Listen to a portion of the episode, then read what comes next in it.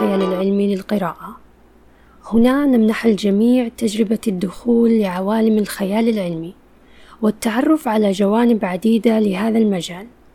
نشارككم هنا سلسلة خاصة رؤية المستقبل كيف ستؤثر التقنيات القادمة على عالمنا. وفي هذه الحلقة سنناقش مقالة توم ميتاكاليف التي يتحدث فيها إيان كروفورد أستاذ علوم الكواكب والبيولوجيا الفلكية في كلية بيركبيك في المملكة المتحدة عن تصاميم لمركبات مستقبلية قد تتيح السفر عبر النجوم في المستقبل. فاربطوا أحزمتكم واستعدوا لرحلة تتخطى المجرات. لطالما ارتبط الخيال العلمي بحلم السفر عبر الفضاء حيث طوع العديد من الأدباء خيالهم لتصور كيفية الانتقال والسفر عبر النجوم. وحتى قبل أن يتمكن البشر من السفر من خلال الطائرات فإن أحلام اختراق الغلاف الجوي والهبوط على القمر وزيارة الكواكب الأخرى كلها كانت جزءا من حلم تاق إليه العديد من عشاق الخيال العلمي. واليوم تحقق نصف الحلم.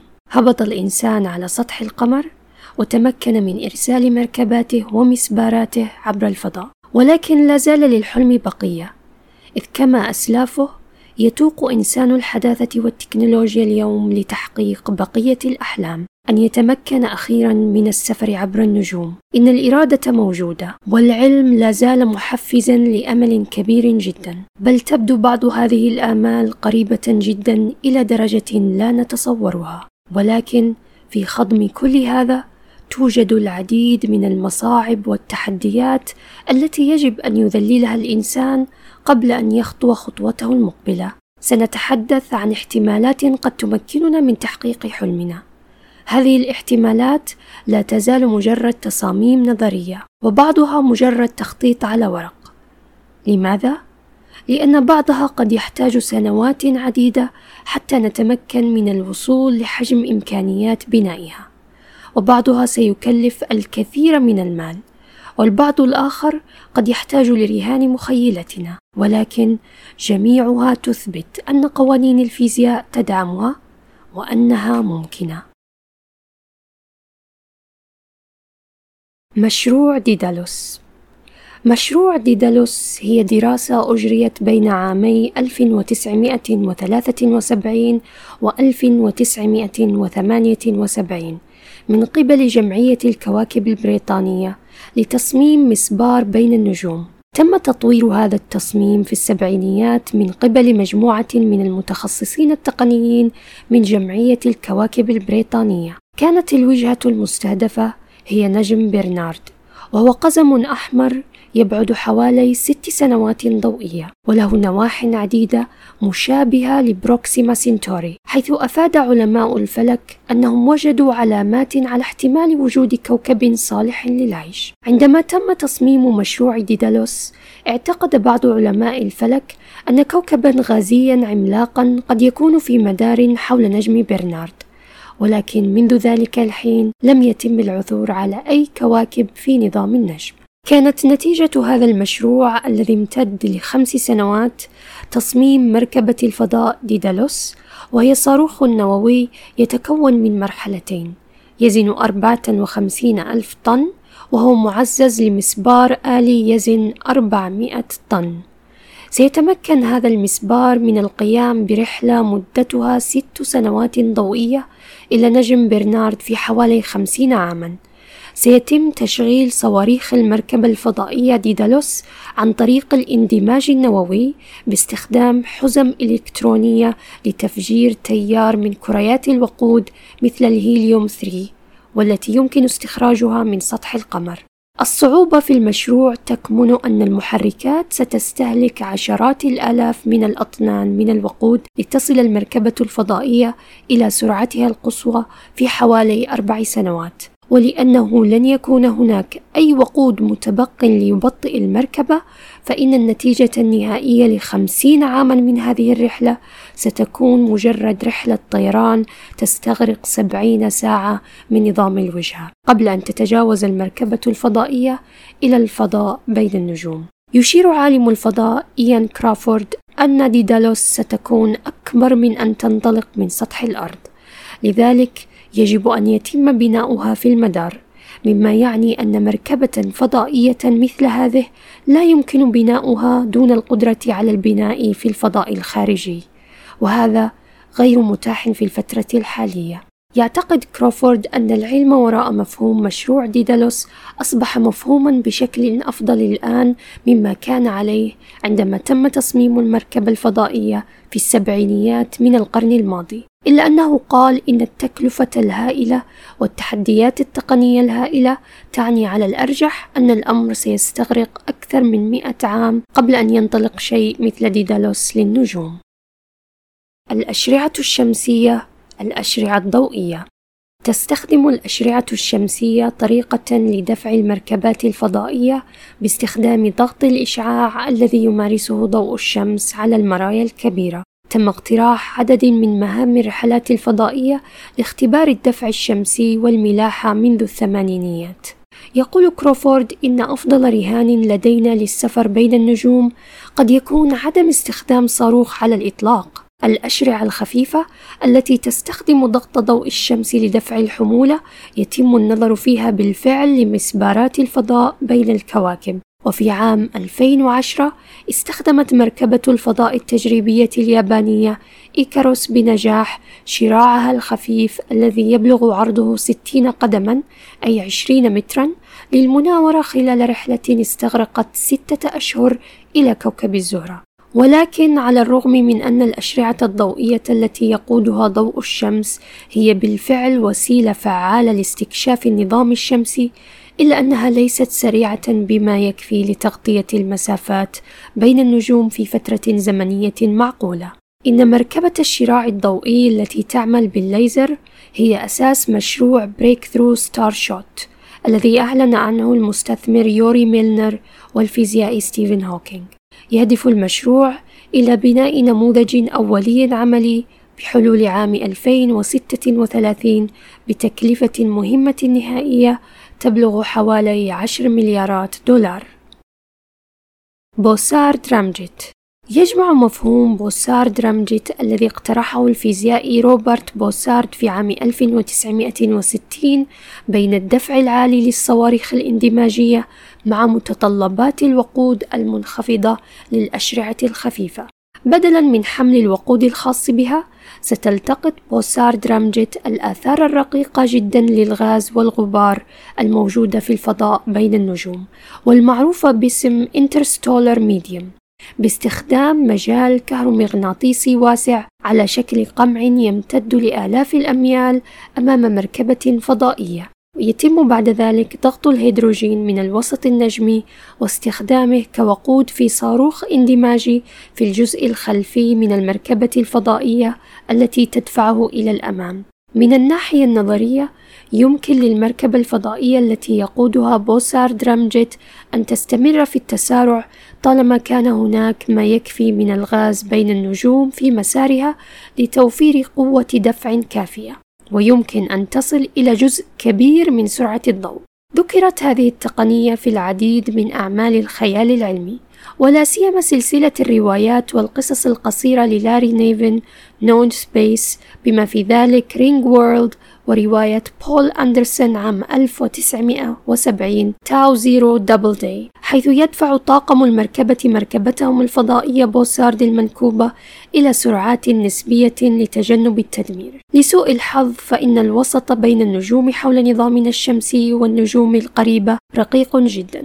وحسب العلماء فإنه لا يوجد ما يكفي من الهيدروجين هناك لتزويد بوسارد ramjet بالوقود. يقول كروفورد إنه ليس الجزء المثالي من المجرة، لكنه أوضح أنه تم اقتراح العديد من الأفكار للالتفات على هذا القيد، بما في ذلك مفهوم يعرف باسم صاروخ رام النجمي المعزز، والذي يستخدم المادة المجمعة ككتلة تفاعل لدفع المركبة الفضائية إلى الأمام باستخدام الطاقة التي يتم بثها بواسطة الليزر.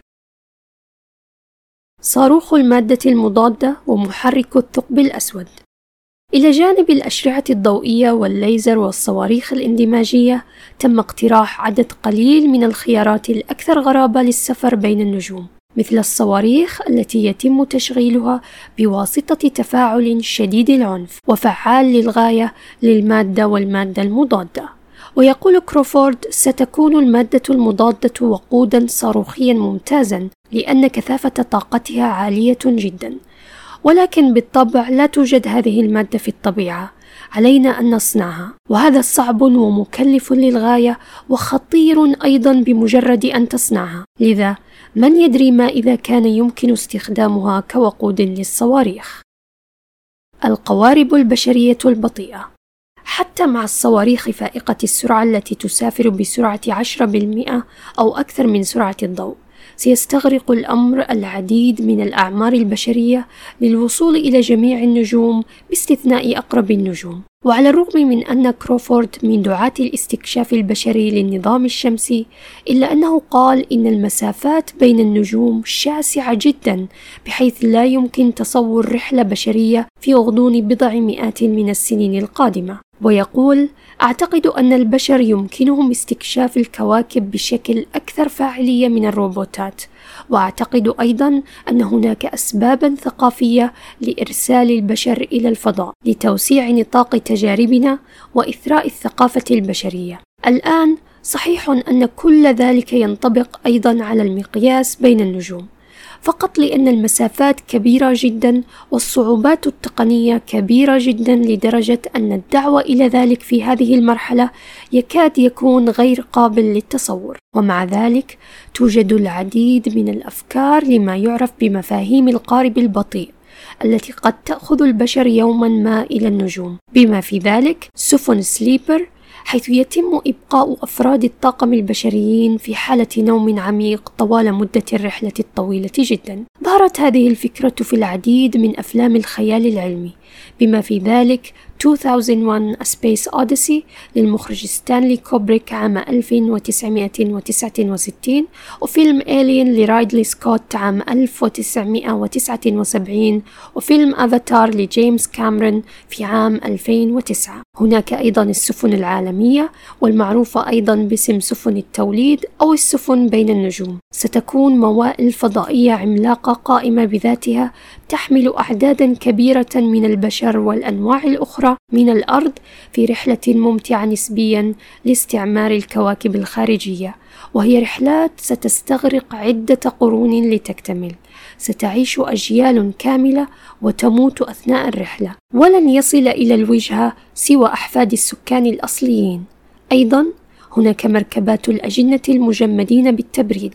بدلا من البشر النائمين أو الأحياء ترسل هذه المركبات إلى كواكب مستعمرة بعيدة حيث سيتم استخراج هذه الأجنة وتعليمهم في مهمتهم من قبل طاقم من الروبوتات الوقائية. محرك الكوبير أينما نظر علماء الفلك في الكون فإن النظرية النسبية ثابتة كما أوضح ألبرت أينشتاين لا يمكن تسريع كتلة إلى سرعة الضوء في الفضاء أو تجاوزها. لكن معادلات أينشتاين قد تحتوي حتى الآن على بعض الحيل التي يمكن أن تسمح للعلم يوما ما بالقيام بجولة نهائية من خلال قوانين الفيزياء المعروفة وتحقيق سفر أسرع من الضوء والذي اختصاره FTL وهذه تعتبر بمثابة الكأس المقدسة لأجيال من عشاق الخيال العلمي. أفضل مفهوم علمي معروف للسفر أسرع من الضوء هو محرك الكوبير الذي اقترحه الفيزيائي النظري ميغيل الكوبير في عام 1994 قدم ميغيل الكوبير نظرية الإعوجاج والتي تشير إلى إمكانية تشويه الزامكان في الفضاء وقد اتخذ ميغيل من النظرية النسبية العامة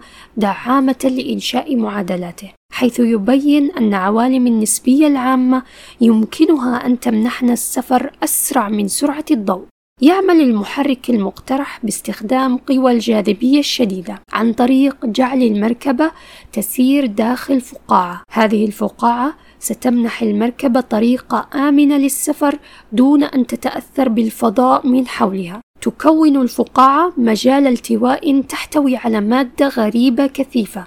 مهمتها تقليص الأبعاد المادية للفضاء أمام المركبة الفضائية مع توسيع المساحة خلفها بمعدل قد يبدو أنه يتجاوز سرعة خفيفة. ما هي المادة الغريبة؟ هناك عدة أنواع مقترحة من المواد الغريبة، الجسيمات الافتراضية وحالات المادة التي لها خصائص فيزيائية غريبة تنتهك جميع قوانين الفيزياء المعروفة مثل الجسيمات التي لها كتلة سالبة. في اقتراح الكوبير يتطلب صنع هذا المجال نوعا من المادة الغريبة التي لا يعرف وجودها. فإن المركبة الفضائية التي تسير داخل فقاعة الإعوجاج التي تم إنشاؤها بواسطة المحرك لن تسافر أسرع من الضوء في فضائها المحلي وبالتالي لن تنتهك قوانين النسبية. لكن كروفورد يشير إلى أن مفهوم السفر بسرعة تفوق سرعة الضوء مليء بالمجهول والتناقضات الواضحة مثل انتهاك مبدأ السببية حيث تحدث الأحداث بسبب أحداث أخرى حدثت في وقت سابق وليس العكس. لذلك من المحتمل أن تكون الاقتراحات مستحيلة حتى لو كانت ممكنة من الناحية التكنولوجية. ينهي كروفورد حديثه حول إمكانيات السفر عبر الكون بقوله: لا أريد أن أبدو متشائما بشكل مفرط، لأنني أستطيع أن أرى فوائد كبيرة للقدرة على السفر عبر النجوم، لكن قوانين الفيزياء هي قوانين الفيزياء، وسيكون الأمر صعبا حقا. برأيكم هل يمكن لواحدة من هذه التقنيات أن تتحقق في مطلع القرن؟ وهل سنشهد بالفعل على تحقق السفر عبر الفضاء؟ وكيف ستؤثر مثل هذه الإمكانيات على حياتنا البشرية. شاركونا آراءكم عن هذه الحلقة وفعلوا النقاش إما على صفحتنا في تويتر أرب ساي فاي أو على بودكاست نادي الخيال العلمي العربي للقراءة أو عن طريق زيارة موقعنا نادي الخيال العلمي العربي. ولا تنسوا مشاركة هذه الحلقة مع المهتمين بالخيال العلمي في العالم العربي. هدفنا هو نشر ثقافة الخيال العلمي وتشجيع الجميع من كتاب ومحبين للمجال لمشاركة أفكارهم معنا. كانت معكم غيداء محمد شاكرة لكم حسن الاستماع وألقاكم في حلقة قادمة بإذن الله.